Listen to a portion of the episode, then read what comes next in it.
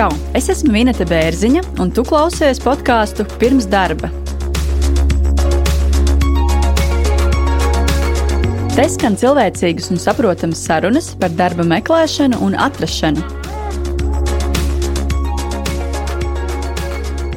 Tā rakstās. Sākam, mhm. labi.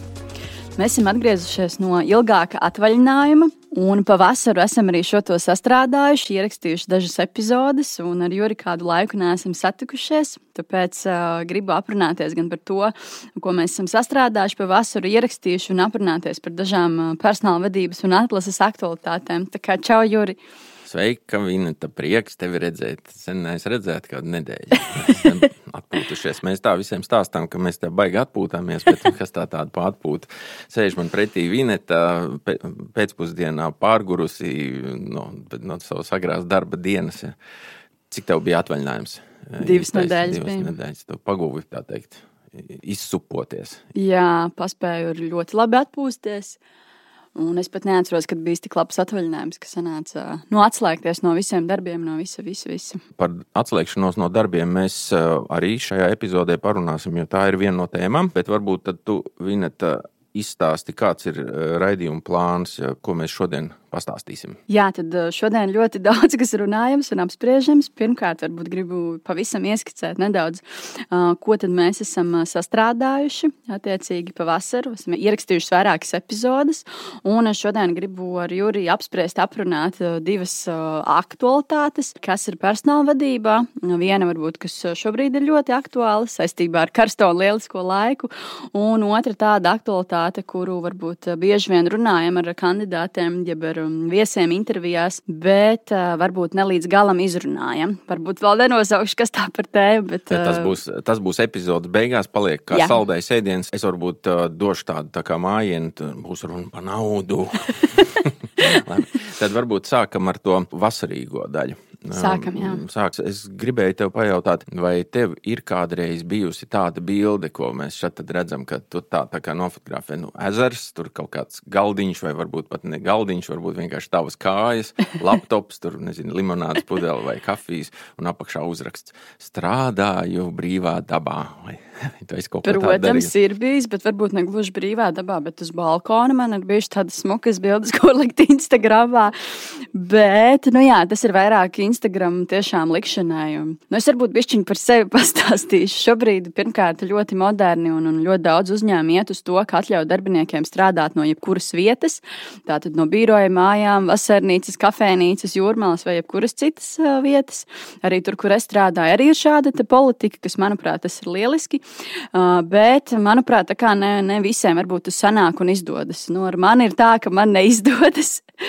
Uh, kad es sāku strādāt no mājām, tad sākotnēji man bija tāds apaļš virtuves galds un, un, un virtuves krēsls parastākais. Un jau pēc dažām nedēļām es jau sapratu, ka tā neies, ka tā neies tā strādāšana. Līdz ar to es iegādājos sev gan krēslu, gan galdu, gan arī dabūju no darba papildu monitoru lielo. Man tā kā viss, viss, viss tā kā pienāks attiecīgi. Tas bija pat iekšā mājās, tur vispār nav runa par kaut kādu jūrmalu, pludmali vai ezeru. es vēl līdz tam esmu tikusi.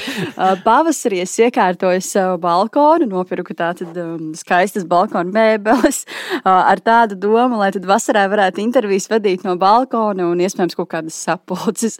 Nu, ja godīgi šī ideja man izgāzās, nu, protams, jā, var varbūt kaut kādu pusstundiņu pasēdēt. Pirmkārt, nav ērti. Tur ir jāliek 101 spilvens apakšā un, un vēl vis kaut kur, lai nespiež tas, tas krēsls uz balkona. Un otrkārt, saule. Tomēr saule spītē ekrānā un arī neko tur nevar saredzēt. Uh, var jā, kaut kādā pusstundā piedalīties sarunā, ja tas varbūt ir kaut kāds sazvans, zūmā vai tīmos, un īsti nekas nav jādara. Vai izlasīt kaut kādu vai palasīt kaut ko dokumentu jā, garāku. Tā, jā, bet papināt. ja man ir jāraksta vai kaut kas tiešām jādara, un tas ir visbiežāk manā darbā, nu, tad tas diemžēl nav iespējams. Jo spīd saule, ir karsts attiecīgi, arī sakarstas dators, un jā, tā poza arī, nu, vismaz man nav vērta, ka tas ir uz ceļiem vai kaut kur uz galdiņu, tad man mugura ir saliekusies. Nu, tas, tas tā kā nav parocīgi. Kā es tomēr lielāko dienas daļu strādāju pie galda, kā tas pienākas. Uz dīvaina man arī nepatīk strādāt. Un, ja godīgi, es pat nespēju iedomāties, jo zinu, ka ir daudz tādu cilvēku, kuri strādā vai nu uz dīvaina, vai nu uz virtuves galda, vai nu gultā, vai kaut kā. Nu, es laikam nevarētu kaut kā, jo man tiešām nav, nav vērti. Strādā, mēs lietojam šo apzīmējumu strādāt, bet te mēs runājam par cilvēkiem, kuru darbs ir ar datoru. Ja? Nu, visticamāk, tādu datoru, kuru, kuru vēl var paņemt klēpī. Ja? Tad, mm -hmm, tā nebūtu yeah. nav e, visa pasaule, tie nebūtu nav visi cilvēki. Un, un, uh, man šķiet, ka to bilžu par to, ka es strādāju pludmalē, ir daudz vairāk nekā reāli to cilvēku, kas to var izdarīt. Ja es tā iztēlojos kaut kāds, nezinu, brokeris sēž un seko cipariem, es pieļauju, ka to var darīt pludmalē vai, vai, vai tiešām lasīt, ja, ka, ja tavs darbs ir, piemēram, nu, nezinu, Twitter konta menedžeris ja, kaut kādai firmai. Nu, tu sēdi un ik pa brīdim ietvīto, un tavs darbs ir visu laiku lasīt Twitter un ik pa brīdim kaut ko ierakstīt. Nu, tad tā varbūt var vienu, divas dienas jā, vai trīs, jā. Ja, bet tas arī viss, ja, tā, tā strādāšana ir. Tas ir tiešām vairāk kā bildēm, un, un pats galvenais, ko es par to gribu pateikt, ir tā, ka, darbie cilvēki, ja jūs esat tik ļoti nomocījušies strādāt savās, nu, kaut kādās, nezinu, darba vietās, uh, tad aizbraucot uz to ezeru, nestrādājiet. Atpūtieties, atslābināties, ie, ie, ieliciet to bildi, ka jūs atpūšaties, un ka tas dators ir aizvērts, nevis mm. atvērts. Un, ja mēs tāpat neticam, ka jūs tur strādājat, mēs zinām, ka tas nav iespējams, vai ne?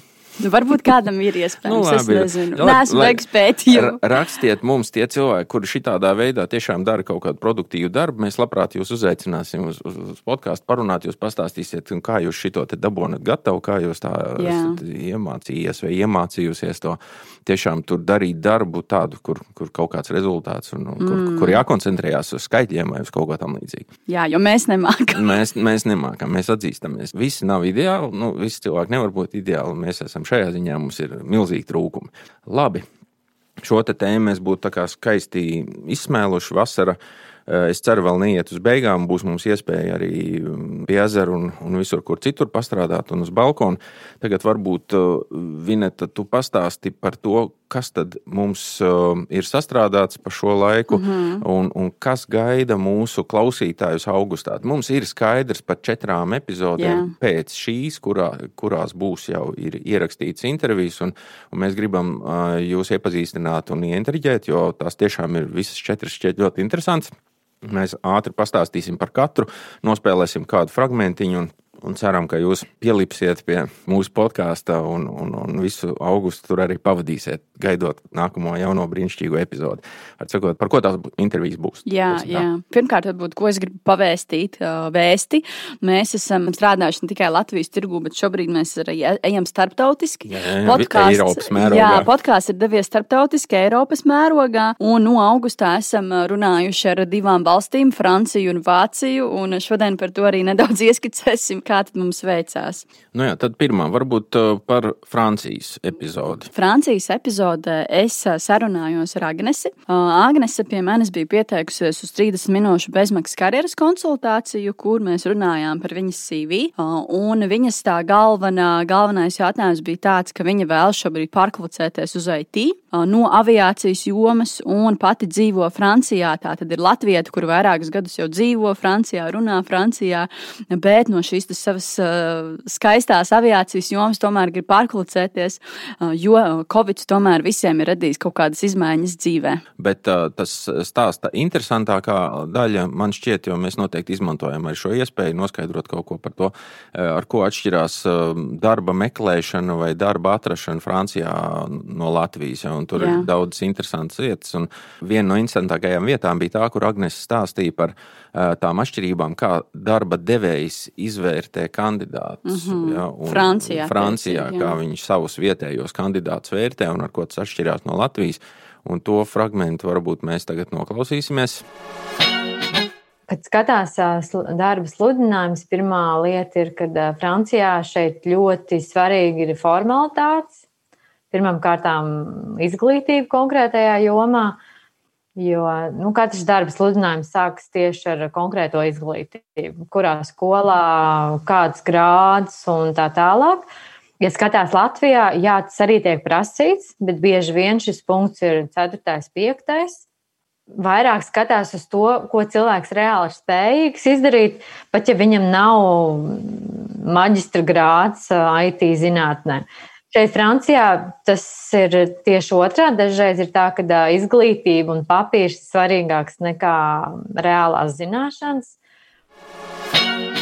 Nu, tātad, salīdzinot ar Latvijas darba tirgu, Latvijā tātad visvairāk darba devēja tomēr skatās iepriekšējo darba pieredzi, savukārt Francijā uh, tomēr vairāk pievērš šīm formalitātēm, kā jau Agnes minēja, tātad izglītībai, dokumentiem, certifikātiem un tā tālāk. Tātad visu to interviju noteikti augustā dzirdēsiet, un es domāju, ka tas tiešām ir interesanti varbūt ne tikai cilvēkiem, kuri ir izdomājuši, ka viņi varētu strādāt Francijā, bet kaut vai tāpēc, lai saprastu, kā mēs te dzīvojam, vai mums ir pa ko sūdzēt sūdzēties un kādas problēmas ir citiem. Arī tur nav tā, ka viss ir eh, pilnīgā šokolādē un viss ir brīnišķīgi un, un viņiem tur nav nekā par ko uztraukties. Labi, varbūt tad ejam tālāk uz Vāciju, nākamā Eiropas lielvalsts. Jā, tad ejam tālāk. Vācija bija atbraukusi pie mums vasarā ciemos. Tātad Liena Karadža, kas ir personāla atlases speciāliste Vācijā, viņa pati ir dibinājusi savu tur uzņēmumu, kas nodarbojas ar personāla atlases ārpakalpojumu. Un bija jā, pie mums podkāstā paviesoties un pastāstīja tirgus, darba tirgus atšķirības Latvijā un Vācijā. Parunājām arī par to, kā Latvijas darba tirgus izskatās no, no Vācijas un, un arī citas nianses. Ar viņu interesanti interesantākais ir tas, ka viņa ir mūsu kolēģe. Viņai ir Vācijā personāla atlases kompānija. Viņa specializējās, kā jau Vācijā viss ir pietiekami specializēts, un, un, un mūsu kolēģiem, personāla atlases cilvēkiem Latvijā varētu būt interesanti šī intervija no tāda viedokļa arī, ka, ar ko varbūt atšķirās šī te, darbs un, un tā pieeja un tā uztvere. Tur, tur, ir, tur bija daudz visādas interesantas nianses, ja, bet, bet tā, kas, ko mēs varbūt šodien īsā fragmentā varētu izcelt, ir Eh, diezgan negaidīta atziņa par to, ar ko vācieši atšķiras no latviešiem tādā profesionālā nozīmē, un to mēs tagad paklausāmies. Vācieši vairāk, nu, manā skatījumā, ir tādi, kur ir konkrētā līnijā speciālisti un tad tajā jomā, un to uz, uz ilgu laiku diezgan daudz. Var redzēt, kas arī, protams, ir forši, jo saka jau, ka cilvēki, kuri ir savas jomas speciālisti un pazīst to jomu, ir tie, kas vislabāk pelna un, un vislabāk atzītie. Bet um, sociālo mediju ziņā latvieši ir ļoti, ļoti aktīvi. LinkedIn, Facebook, tā aktivitāte, ko es redzu, ir vienkārši. Es Vācijā tādu neredzu. Tur ir vairāk tāds, labi, es paskatīšos, pavērošu, varbūt kaut ko pateikšu, bet varbūt, nu, ja man tiešām būs ko teikt. Bet Latvijas šauju, un tikai tad varbūt padomā un saprot, ok, jau izlēju ūdeni. Šis, ko Liena stāstīja, tātad pēdējais par latviešu aktivitātes sociālajos tīklos, priekš manis bija jaunums. To es nezināju, ka mēs esam tādi aktīvisti. Grūti iztēloties, jā. Mēs, jā. Mēs... Man jau vienmēr ir licies, ka tie citi tur tādi aktīvāki un gudrāki, un ko tad mēs, bet izrādās, ka rekur latvietis šauj tik vaļā un, un, un ir aktīvs. Es īstenībā esmu to jau iepriekš dzirdējis, ka pat arī tie vācieši vai, vai francūži vai citi, citu valstu pārstāvji brīnās, kā tas var būt Latvijā, ka mēs, piemēram, nu, ja, piemēram, salīdzinām IT konsultants, ka konsultē nevis vienu lauciņu finanses, bet mēs, protams, gan ražošanu, gan finanses, gan grāmatvedību nokonsultē, tā kā visas sfēras. Labi. Nākamais, kas mums ir vēl, mums ir krājumā uz augustu. Jā, tā tad nākamā ir Laura. Laura arī pie manis bija atnākusi uz karjeras konsultāciju, un savukārt podkāstā mēs ar viņu runājām par padomu došanu, tātad kā citi viedokļi ietekmē darba meklētājus un vispār cilvēku domāšanu, un arī bieži vien mēs saņemam dažādas padomas gan no vecākiem, gan no radiniekiem, gan no skolotājiem un, un, un kolēģiem. Nu, padomas, kā tad labāk rīkoties karjerā un citos dzīves jautājumos. Runājām par šīm tēmām. Mums izdevās tā saruna tāda ļoti atklāta. Viņa, Viņa ļoti personīgi stāstīja, un, un es varbūt nospēlēšu vienu fragment, kas šķita ļoti raksturo situāciju. Bet īstenībā runājot par tiem piemēriem, ko tu teici par to, ka tu ar to skolotāju man īstenībā arī uzreiz attēls atmiņā. Man bija augstskolā viena pasniedzēja, un es tajā laikā es studēju starpkultūra attiecības Latviju-Vāciju. Ja, nestrādāju vispār tajā nozarē, bet uh, es ļoti labi atceros, es arī tajā laikā sāku strādāt. Nu, strā, sāku strādāt veikalā par pārdevēju, un man arī tik patika. Un, uh, un, un, un toreiz uh, man viena pasniedzēja rītīgi. Nu, es, es to visu laiku atceros. Viņa arī man pateica, viņa saka, nu jā, nu, tu jau būsi tikai pārdevēja veikalā. Nekas jau labs nesanāks. Un, un saprotu, es arī atceros šo tēmu. Un kopš tā, tās reizes man, liek, man uh, likās, ka ārpus strādāt veikalā tas taču ir nekas un šausmīgi. Klau, Vinet, tu arī kādreiz biji pārdevēja veikalā. Jā, man arī ļoti vai, patika. Vai, vai tev jau kāda ir bijusi tāda sajūta, ka tikai pārdevējs? Nē, nav. Nu, redz, viss atkarīgs no sajūtas, acīm redzot, no, no uztveres. Un, jā. Man liekas, ka kurš darbs ir labs darbs, un galvenais, ka tu strādā. Drīzāk varbūt tie, kuri negrib strādāt, vai, vai, vai nezinu, slaisti, vai kā par tiem tā varētu runāt. Ja kurš darbs tas ir pārdevējs, uh, sētnieks, ja kurš nu, forši, ja neviens nebūtu sētnieks, kas tad notiktu? Nu jā, tad, tad mēs uh, podkāstu pirms darba turpinām iedrošināt savus klausītājus, pacelties, uh, iet, nesēdēt, meklēt, kļūt labākiem un nākt pie Vinetes uz konsultāciju, gal galā nākt pie mums uz mm, intervijām un pastāstīt jā, par sevi, jā. kas arī var noderēt darba meklējumos. Labi, un tad mūsu augusta ceturtais mm, viesis. Jā, bet nesliktākais viesis tātad Zana. Zānē arī mūsu kolēģe, HR speciāliste, kurš šobrīd ir atvērta darba piedāvājumiem personāla vadības jomā.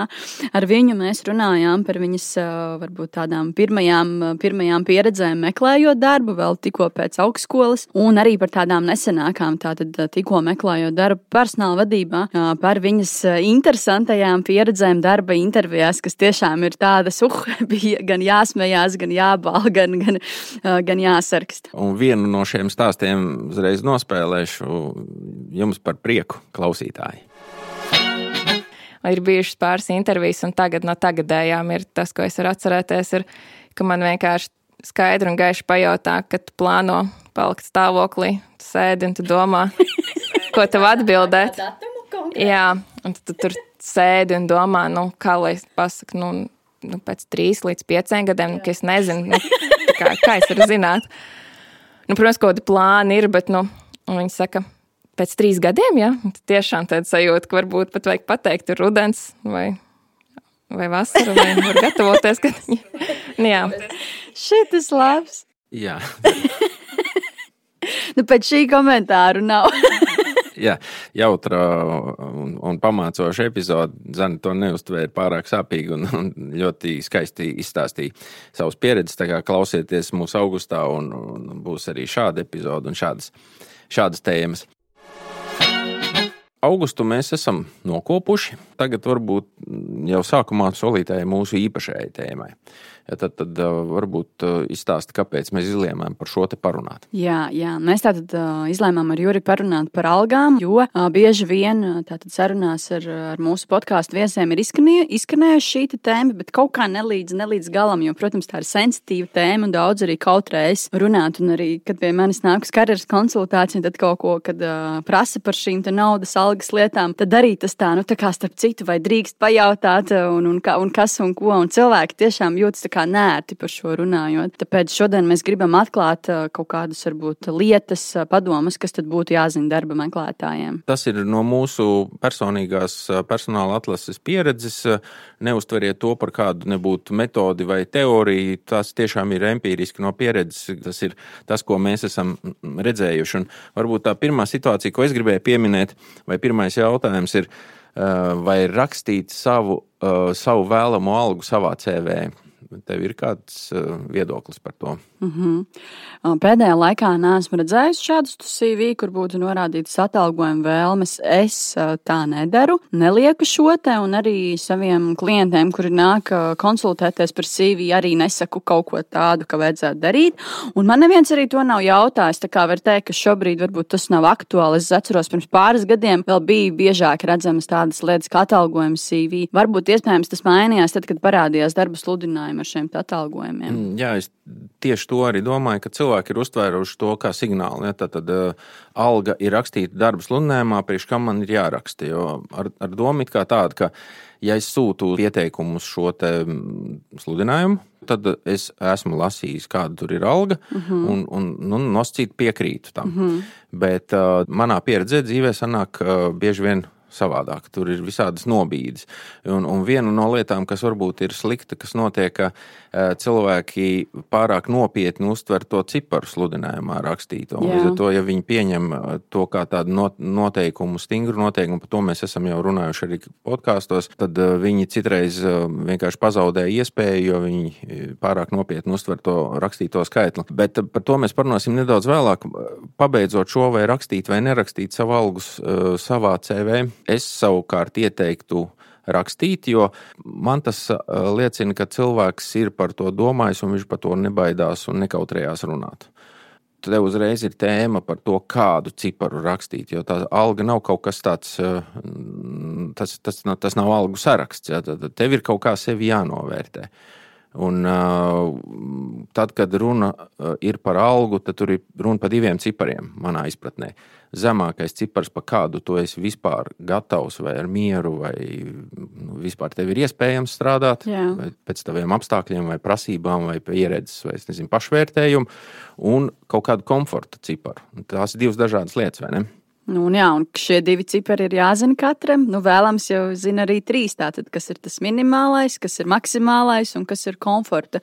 Nu, maksimālais, es domāju, to, ka tas nav nekāds miljons, tas ir re, reāla, reāla, reāls naudas cipars, ko tu gribētu un varētu saņemt. Bet, nu, varbūt tas uzņēmuma lokus ir krietni mazāks, kurš var kaut ko tādu tev piedāvāt.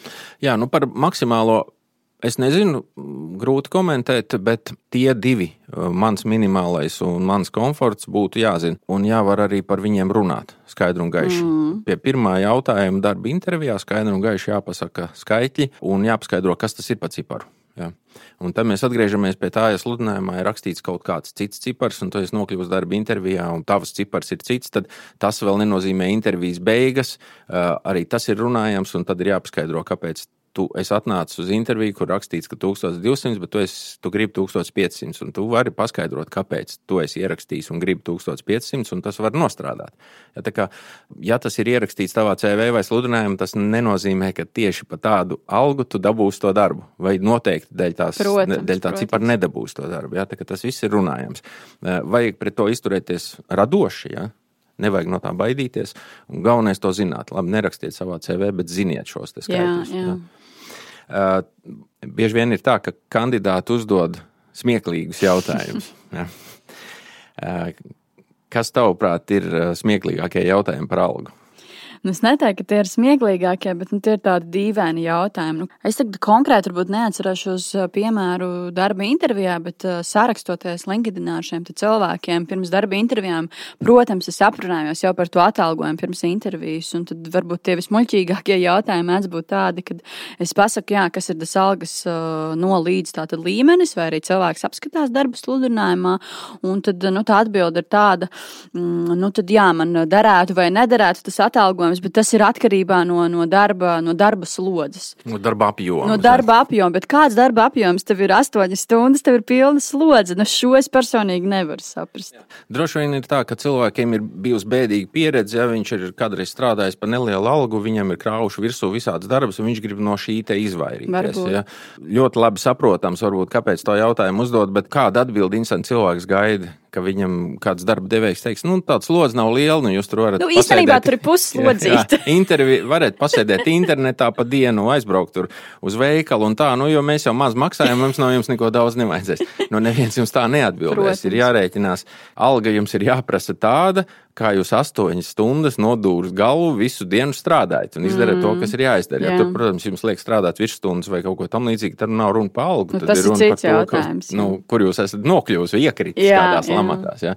Bet algas lielumam nevajadzētu mainīties no šāda jautājuma. Ja? Un, un, mm. un ne, ne no pienākumiem, ne no slodzes. Es atvainojos, kā var jums pateikt, kādi tieši būs tie pienākumi un kā lai es jums to izstāstu. Es jums varu iedot darba aprakstu, bet vai, tas, vai jūs pēc darba apraksta strādāsiet reālajā dzīvē? Dzīvē redzēsiet, kā tas notiek. Ja? Nu, ar tur ir jārēķinās, ja tādas jautājumas nevajag uzdot. Ir jānosauc cipari skaidri un gaiši, jārēķinās, ka jūs Jūs daļu riska uzņematies, nosaucot skaitli kaut kādu. Jā. Varbūt bišķi mazāku nekā varbūt maksimālais, un, un darba devējs uzņemās risku, jo viņš jums, viņš jūs pieņem darbā un kaut kādus divus, trīs mēnešus taisās maksāt to naudu. Varbūt, jūs neesat tā vērts. Ja? Tur, tur ir jāsaprot, ka abām pusēm ir kaut kāds kompromiss jāatrod. Un te varbūt ir tas brīdis atkal atgriezties pie tiem darba sludinājumiem un algām, cipariem, kas ir minēti darba sludinājumos. Kā tu saproti šo situāciju ar tiem skaitļiem darba sludinājumos? Darba meklētājiem es skaidroju to, ka noteikti šis cipars nav tā kā akmenī cirsts. Protams, ir varbūt kaut kādi uzņēmumi, man šobrīd grūti nosaukt piemēru, bet nu, varbūt kaut kāda banka, kurai tomēr viss ir strikti uzrakstīts, kas ir tas atalgojuma līmenis, tur ne pa labi, ne pa kreisi. Bet Latvijā ir tomēr ļoti daudz uzņēmumu, varbūt, kur nav noteikti stingri šie atalgojuma budžeti vai, vai atalgojuma politikas un tādas lietas un līdz ar to var, var attiecīgi. O, tur, tur iet uz augšu vai uz leju. Tāpēc, ja tev šķiet, ka tev šī vakance šķiet ļoti interesanta un, un, un attiecīgi, tu esi piemērots, nu, es iesaku, varbūt, es laikam personīgi darītu tā un iesaku vienkārši mēģināt sakontaktēties ar šo atbildīgo personu un parunāt par to atalgojumu pirms, pirms intervijas, vai nu pa telefonu, vai nu sarakstoties. Jo kāda, kāda jēga tērēt viens otru to stundu darba devējiem, darba ņēmējiem, ja tomēr nu jums nav pa ceļam tas atalgojums? Var pat arī nezvanīt, bet ja ir skaidrs, ka tas algas cipars ir sludinājumā pa mazu, sūtīt savu CV ar savu norādīto lielāko ciparu. Un tāpat rēķināties, ka, ja, tas, ja tev izsauks uz interviju, tad viņi būs redzējuši to tavu ciparu. Tad viņi ir gatavi apspriest, vai nu viņiem patīk tavu kvalifikāciju, vai viņiem liekas, ka tā alga ir pieņemama. Bet par to, kuros darba sludinājumos tas cipars ir akmenī iecirsts un nē, es to ieteiktu dalīt tā, ka, ja jūs iztēlojaties, ka tā ir liela kompānija, kurā strādā, vai zināt, ka tā ir liela kompānija, kurā strādā simtos un varbūt tūkstošos cilvēku, tad visticamāk tas cipars tāds ir un viņš nevar mainīties ne uz augšu, ne uz leju.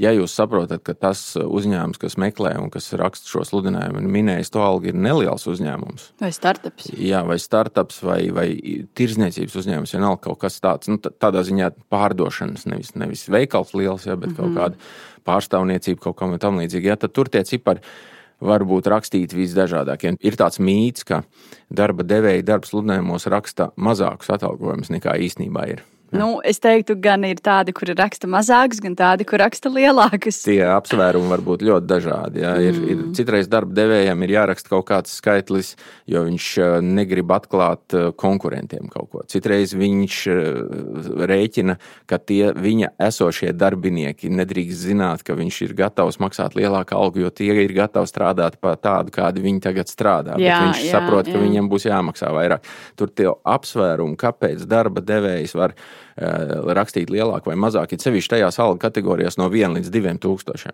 Eh, tā, tas ir tas diapazons, ja, kur tas cipars, kas tur ir ierakstīts, ļoti bieži nozīmē gandrīz neko. Ja, tā kā rakstiet, zvaniet, runājiet, sūtiet eh, pārdodiet sevi, un visas tās sarunas visticamāk par algu var notikt. Ja, tā kā nevajadzētu par to baidīties. Un, ja tas uzņēmums ir nopublicējis sludinājumu, viņam nav nekādu juridisku saistību. Viņš neko, ne ar ko neatbild, beigās slēdzot līgumu par citu ciparu. Protams. Ja, tad, tas nav tādā veidā, tas netiek regulēts. Tas ir vienkārši sludinājumā ir jāieraksta kaut kāds skaitlis. Nu, viņi arī to dara. Mm, varbūt to, kāpēc tie cipari dažreiz uh, ir lielāki nekā īstenībā. Tāpēc, ka tādā veidā, ja tu ieliec lielāku ciparu, ir vieglāk dabūt tos pieteikumus, tad vairāk piesakās, ka rekur vakants šķiet interesanta. Nu, un, protams, gandrīz varbūt, nu, var, es negribu, negribu teikt tik viens, bet daudz gan jau darba devēja arī paskatās jā, tajā pašā CVLV vai kaut kur citur kādās, tajās, tajā pašā vakancē, kā citi uzņēmumi norādījuši šos atalgojumu līmeņus, un tad mēģina pielīdzināt vai augstākus ielikt, lai nu tomēr nav tā, ka re, kur visi liek, nezinu, piemēram, divus tūkstošus, un mans uzņēmums ielicis tūkstot. Nu, kā tad es tā nebūs pieteikumi vai kaut kā tam līdzīgi? Šis ir sevišķi attiecās uz uz speciālistiem. Ja? Tiek meklēt kaut kādu cilvēku ar, ar speciālām prasmēm un zināšanām, ja? kur ir pilnīgi skaidrs, ka tos cilvēks negā, to uzņēmumu negāž apkārt pieteikumu. Ja? Tad visticamāk, ka viņš centīsies drīzāk ierakstīt lielāku algu mm -hmm. un centīsies pēc tam kaut kā sarunāt, varbūt ar jums pa mazāku strādāt. Ja? Tā kā Tur ir jāskatās līdzi un jāizturās radoši. Varbūt, lai pabeigtu šo algas sarunu uz kaut kādas tādas jautrākas un iedvesmojošas nots, un, un, un lai, lai, lai šo jūliju pabeigtu ar, ar, ar smaidu un, un iesāktu augustu ar vēl lielāku smaidu, pateiksim priekšā vienu kā, kā to sauc, dirty tricks, ko, ko darba devējs vai kā saka, ko jums nestāsta personāla atlases speciālisti vai darba devēji par algām. Un tas ir par brīnišķīgāko iespēju palielināt savu šī brīža algu. Un Pastāst, kā tas notiek. Nu, jā, tas notiek tādā veidā, ka uh, cilvēks aiziet uz darba interviju, uh, dabūna šo darba piedāvājumu no citu uzņēmumu, nu, ar šo skaisto darba piedāvājumu aizskrien pie sava darba devēja, pastāsta vai parāda, un darba devējs uh, uh, saņem galvu un domā, nu, ko tagad darīt. Jānīt vai Pētrīt mēs noteikti nevaram laist, jo viņš ir lielisks darbinieks un, un, un paceļ algu, un, un šis cilvēks nekur neaiziet un paliek turpatās. Un, ja tā varbūt paskatās atpakaļ uh, manā pieredzē, Es ļoti daudziem cilvēkiem esmu palīdzējis tikt pie lielāka atalgojuma, vai pie labākiem bonusiem, vai nosacījumiem, vai pie paaugstinājuma. Tā kā prieks par viņiem. Tas vēl droši vien nemaz nav zinātniski pierādīts, cik viedoklis par personāla atlases cilvēkiem, pozitīvais viedoklis, ir vairāk atkarīgs no tā, cik cilvēkiem mēs esam palīdzējuši atrast jaunu darbu, vai cik cilvēkiem reāli palīdzējuši palielināt algu viņa esošajā vietā, jo šito dara bieži un daudz, un jums noteikti nevajag kautrēties to darīt. Nu, nevis ar mūsu klientiem konkrēti, ar to mēs strādājam, ja, bet no kaut kādiem citiem darba devējiem. Ja? Vai ne? Jā. Jā. Bija prieks tevi atkal, Vineta, satikt, un, un turpināsim satikties augustā. Jā. Saucam un aicinām mūsu klausītājus sekot, šērot, subscribot, replayot un, un tam līdzīgi mūsu brīnišķīgo podkāstu. Un, un ko tu varētu novēlēt saviem klausītājiem? Nu, es gribu novēlo, no, novēlēt, esiet aktīvi darba meklēšanas ziņā, jo esmu aprunājis ar saviem kolēģiem personāla atlasē, un visi saka, ka ir beigais klusums. Visi bauda vasaru un uh, neinteresē jaunas darba iespējas un neatbild LinkedInā uz vēstulēm. Tā kā, nu, rudens nāk, rudens nav aiz kalniem, esat aktīvāki, skatieties, kas ir darba tirgu, atbildiet personāla atlases speciālistiem un vēstulēm, jo tu nekad nevari zināt, ka tev būs nepieciešams atbalsts no šī cilvēka cilvēka. Nenokavējiet, nenokavējiet, nepalaidiet garām, nenokavējiet un klausieties podkāstu pirms darba. Jā, tiekamies ar tā. Čau! Tu noklausījies podkāstu pirms darba. Lai nepalaistu garām nākamās nedēļas epizodi, seko maniem ierakstiem LinkedIn un Facebook. Abonēt jaunās epizodes un noklausīties iepriekšējo sezonu intervijas var visās podkāstu platformās un YouTube. Ja esi pozitīvs un vēlies atbalstīt manu darbu, raksti komentārus un pārsūti manus ierakstus savam draugu pulkam. Uz tikšanos podkāstā pirms darba!